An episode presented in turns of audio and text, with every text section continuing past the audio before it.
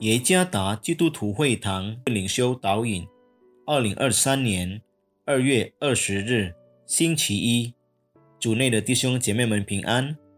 今天的领袖导引，我们要借着圣经诗篇十六篇五到六节来思想今天的主题：审视我喜乐的泉源。作者马波比牧师。诗篇十六篇五到六节。耶和华是我的产业，是我杯中的份，我所得的，你为我持守，用绳量给我的地界，坐落在佳美之处。我的产业实在美好。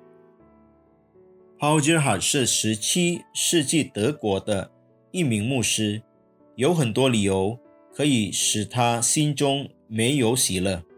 他的妻子。和四个孩子去世了。三十年的战争，不少民众伤亡，摧毁了德国。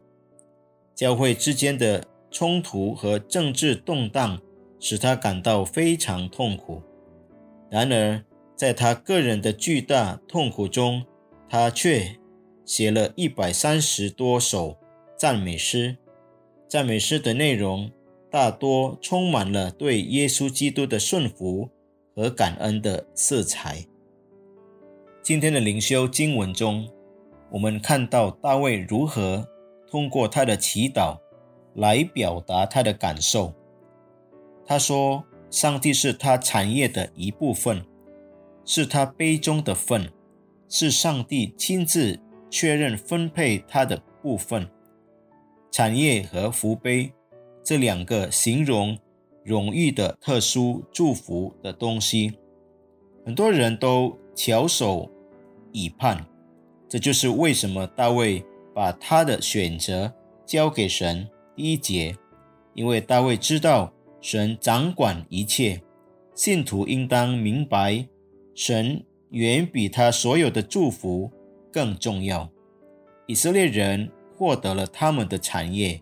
及应许之地，这一切都是因为上帝与他们同在。约书亚记十四章一到五节，大卫说：“用绳量给我的地界，坐落在佳美之处，我的产业实在美好。”第六节，大卫也看到圣徒经历到神的良善，给他带来喜乐。第三节。请记住，选择上帝意味着选择来自永恒的快乐之源的道路，即使在苦难中，仍然有喜乐。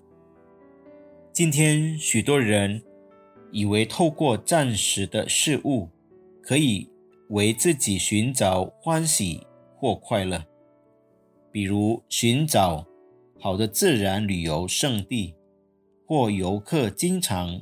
光顾的娱乐场所，或者在远离人群的地方独自一人，这一切都是人们为了获得宁静而做的。关键是要远离压力，只要有好的目的所进行的一切活动都没有错。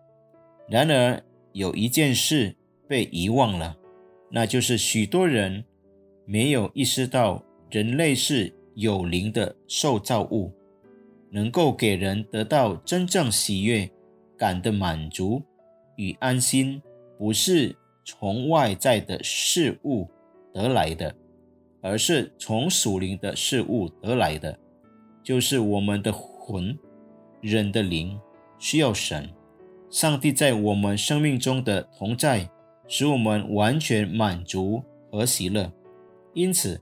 我们应当寻求上帝，并找着他，唯有他是我们喜乐的泉源。